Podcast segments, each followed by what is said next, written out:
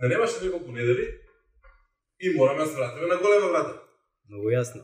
Сакавме да донесеме гостин во Comcast во оваа нова сезона, меѓутоа сакавме да е специјален гостин. Се разбира. И имаме специјален Во гостин. специјален здравје.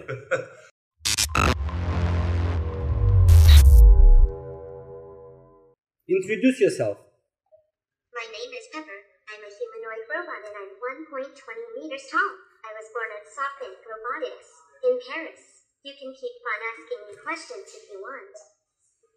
Значи го имаме Пепер, роботот, кој што има проблем да не фокусира, пошто премногу го шетаме лево десно за за изборува. Меѓутоа ова е Пепер роботот кој што а, ние денеска на гости во Македонија и имаме шанса да зборуваме малку со него.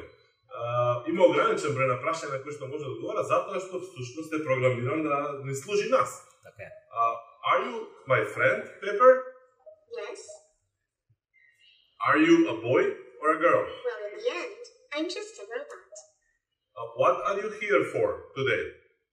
I'm showing how MasterCard experiments with new technologies, like me, to make people's lives easier in everyday, relevant ways. How can you make my life easier? It's a difficult question. It's a difficult question. А, да, значи, дојдоа роботите и спремаме неколку битни прашања за Пепер подоцна, а, кај што ќе мора да го прашаме кој му умилен филм од научна фантастика. Верувам дека нема да Да, да, отговори на тие работи. А, добро, гледавме филмови, гледавме документарци, огромна тема е вештачка интелигенција, artificial intelligence, не сме ние некои експерти на таа тема да искрени. Of course, дури Пепер знае дека не сме. Да, не сме Да. експерти. Но многу е добро кога ќе видиш некој робот кој што нема такви некакви а, зли намери, не треба да не, не, да не замени нас, туку треба да ни помогне. Can you help us, Pepper? How can you help me? I'll try my best to help you. Значи, ќе ни служи тука а, и ќе се обиде да направи животот полесен. Така е. Например, јас од Сабајле ми текна сега дека немам ништо јадено, па евентуално го прашал дали може да ми нарача некоја некоја храна. Hi Pepper, Hi, human. I'm hungry. I am hungry. I'm hungry. So, thank you. you. I'm to serve you. Please pair with your Mastercard wallet and start ordering. Okay, now we'll pair with, with the MasterCard. Nice to meet you, Burger. What would you like to order? I would like to order a burger. Okay. And uh, french fries. Regular or large? Large. Sorry, could you repeat? Large. Would you like hot or iced latte? Okay, yes. Sorry, could you repeat? Yes, I would like. Okay, So we can check out now. great. We have a promotion today. You get one Oh, you have a promotion. two dollars. Would you like to add it? Of course, yes. Great. The total amount is twenty-three dollars and fifty cents. It will be charged to your card ending four one two four. Please say approved to authorize the transaction. Approved. Cool. Thank you, Pepper. Processing your transaction now. Така, значи, отиде да, диетата си на нара, отиде Дајан. диетата, си нарачавме за едно 20 на долари храна од Mastercard кафето. Значи, во принцип, ова е едно од работите која што, а, нели, Пепер може да ја, да ја обавува колку толку ефикасно и од тука произлегуваат, нели, повеќе начини за негова примена во првенствено во бизнисот, меѓутоа она што мене нај, најмногу ми привлече внимание е кога при анбоксингот, односно вклучувањето на Пепер, имате некое интересно чувство, значи го засакуваат ова, ова мало човече, кое што меѓу другото има и косичка како мене, а, Односно нема. да, односно нема, и го доживувате на некој начин како домашно милениче. То, тоа е интересно. И тука оној, а, нели, да кажем, две школи на, на технологијата и на machine learning и artificial intelligence, едната е која што оди во насока да се олесни животот на, на, на луѓето по секоја цена, нели, voice recognition уредите на Amazon, на Google и така натаму.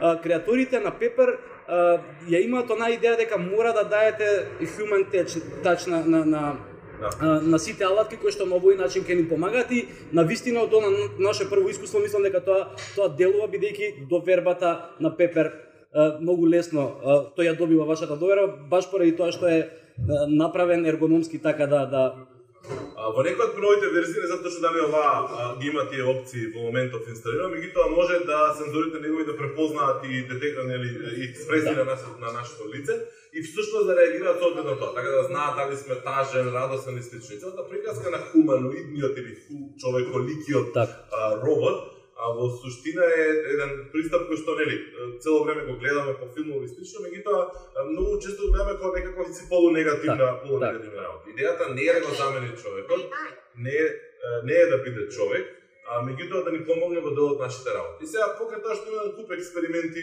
механички кои што треба да надминат еден куп проблеми Јасно, со кои се јасно. работите, идејата на на на на Пепар е всушност да го доведе оној да го намали просторот, разликата Так, помеѓу так, човекот и интеракцијата со Так. со роботот. Да не биде класика онака како наредба и екзекуција, наредба и екзекуција, туку да всушност вие имате некаков тип на интеракција кој што е малку поприроден. Така. Препознавањето е да, првиот чекор во тоа бидејќи нели. Тој-. Еве, веќе почнува да не да не разбира. You're not in trouble, don't worry. Can we be friends? Sorry, I don't get it. You don't get it. Okay, we will talk about something else.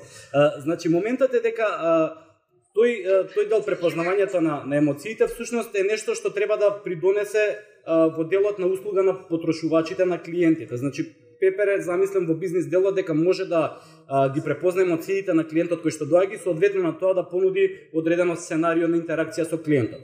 А, и на вистина повторно ќе кажам од она што го видовме, мислам дека тоа би било функционално во делот кога а, нели комплетната функционалност ќе се доведе на некое повисоко ниво, препознавањето ќе оди уште полесно, а за тоа а, нели ќе биде најзаслужно делот на машин learning, односно на, научење. некој начин всушност е нели го има таблетот пред себе, му имаме тач, имаме voice recognition систем и е некаков да речеме мост помеѓу онаа класичната а, Апсолутно, да, само да. само чекирачка табла, Да, да, да, безлично по на некој начин, и, да, и, да. на други места или нели тач екран каде што ти не знам нарачуваш и слично, а, кон, кон една интеракција која што пак има има некаков не можам да кажам човечки. Не толку сенс, човечки, да. Има малце емоции во Да. целата приказка. Така да ако сакате да бидете бренд и не сакате да се затворите за за некаков досаден стерилен онаков тач екран екран на допир, а, ова е некаква опција да дадете чувство, затоа што целата приказка дека секој еден различен робот всушност може да добие различни карактеристики затоа што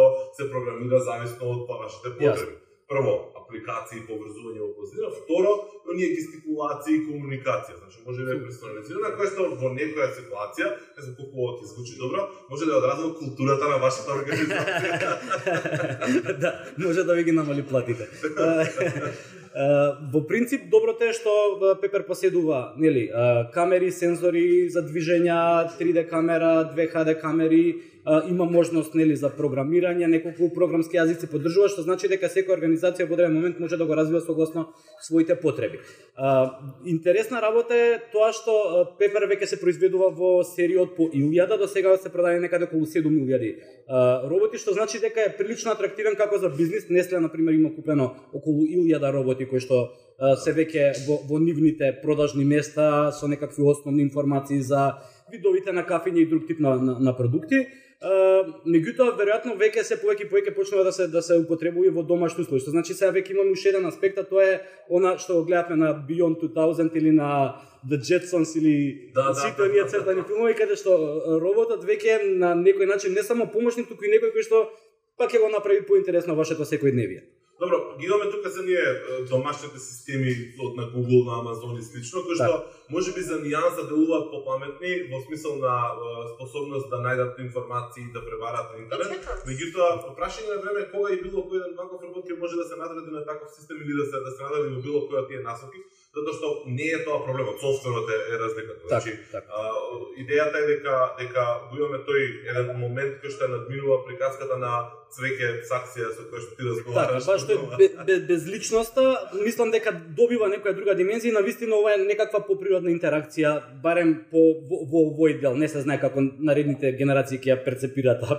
природна комуникација, меѓутоа мислам дека и, и има има тука многу една приказна која што го прави по по иманентен, поприроден за, за комуницирање со како, како технологија. Е сега она што е интересно во дело дека нормално уште многу и многу треба да се отиде напред за да може таа комуникација да биде поприродна и поприродна. Она што е интересно на пример во Јапонија а, има варијанти на на Пепер а, на кои што нели колку повеќе а, влегувате во интеракција со него, му кажувате и гласовни команди и а, со тачот на некој начин контактирате и давате наредби, добивате поени. Значи на некој начин а, оние кои што го разбиваат роботот а, а, даваат стимулација за да внесувате што повеќе интеракција со него за да може роботот да учи што повеќе и повеќе, нели?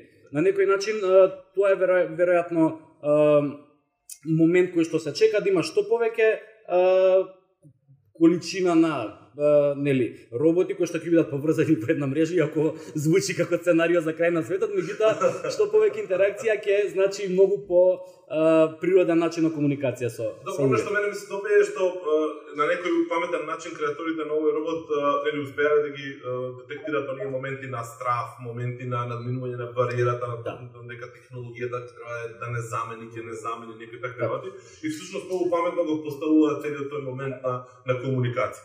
А, во смисла на тоа дека не, јас сум овде само да помогнам, имам таков ваков изглед, значи висината му е битна, како е Так, дефинирано так, движењето, гласот, а, нели сите тие боите кои што кои што ги вади од несувањето, а, и е уште еден мал чекор да речеме во таа една голема работа која што се случува активно во во светот, односно таа вештачка интелигенција која што а, до, на толку многу места веќе ја почнуваме масовно да ја гледаме дека дека ги унапредува некои од процесите кои што кои што веќе постојат. тие технологии споредени со ова нормално се многу а, отидени понапред. А, меѓутоа ова е токму тој момент кој што треба да даде некаква колку да звучи парадоксално човечка нишка на вештачката интелигенција. Значи ова е моментот во кој што веројатно примената на сите тие понапредни технологии кои што се во позадина треба да дојде а, на секојдневно ниво да се приближи на начин кој што ќе биде малку по прифатлив, односно ладна технологија која што врти у позадина алгоритамски. Да бидам искрен, не знам како ќе реагирам кога го запознам Да, Пепер во да. живо, прилично позитивно, вака исто Нели, како, нели, како нели, да. И да, морам да се заблагодариме на Mastercard и на На Стопанска банка, пошто благодарение на нив ние сега имаме Да, шанса имаме да, шанса да да да запознаеме. направиме интервју Пепер, А, кој е вашиот став поглед на роботи? Дали ви имале или имате веќе по дома некаков робот, некаква машина, може би со акција цвеќе која што со која што си за кое што се правите муавет, да. Дали ви имале, дали размислувате да имате кои се пречките, зошто може би имате или не сакате да имате, не знам, безбедност, јазик, разбирање, Так. услуги и така И натаму. дали за почеток би го користеле повеќе како некаков помагач по дома или би сакале да го имате чисто да да си направите мове да го направи животот поинтересен на некој Да, и- начин и оно искуство што секогаш во филмовите сме го гледале конечно да дојде кај на себе, а дојде во после овој 2000 контекст- Во овој контекст, дали кога би влегле во некој дуќан во продавница во салон, а, со задоволство би сакале услугата да ви ја заврши едно, едно вакво сладко робоче? Так. Ако да, тогаш чекаме потврден одговор и да ги Да. охрабриме локалните компании да почнат да размислуваат да инвестираат за ваква работа. Да може да си ги персонализираме, да си правиме муавет со нив, па дури на македонски. Да, Дарија има спремно едно многу да, јако да. прашање. Пепер кажи некоја сигурна за викендов. Не разбира се, уште не ме разбира, добро. Значи, е Кога да ќе поседи, да, кога ќе поседи во Македонија, ќе почне ќе го најдеме после некој време пие кафе. Тука Пепер врати се на работа, сега ќе дојдам уште 10-15 минути само да допијам кафето. Пепер. Ah, I like it when you touch my head. е, гледаш, тоа е тоа што ги имаме заедничко сите кеѓави луѓе. Can you dance, Pepper? Can you dance? Let's get fresh and pretty. Yeah, of course. Морам да признам дека подобри игра од мене. Да завршуваме. А уште малце може нека под подобри. Што мислиш би можело и да биде наставник по салса? Не може бите го. Мите го имаме, не може да биде. Ги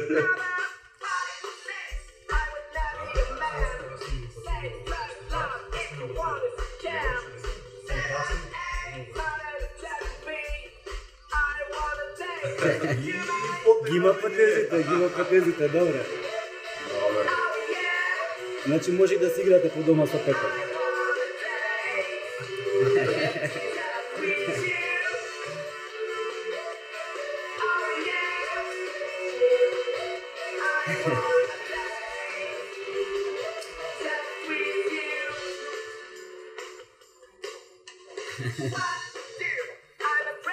yeah, I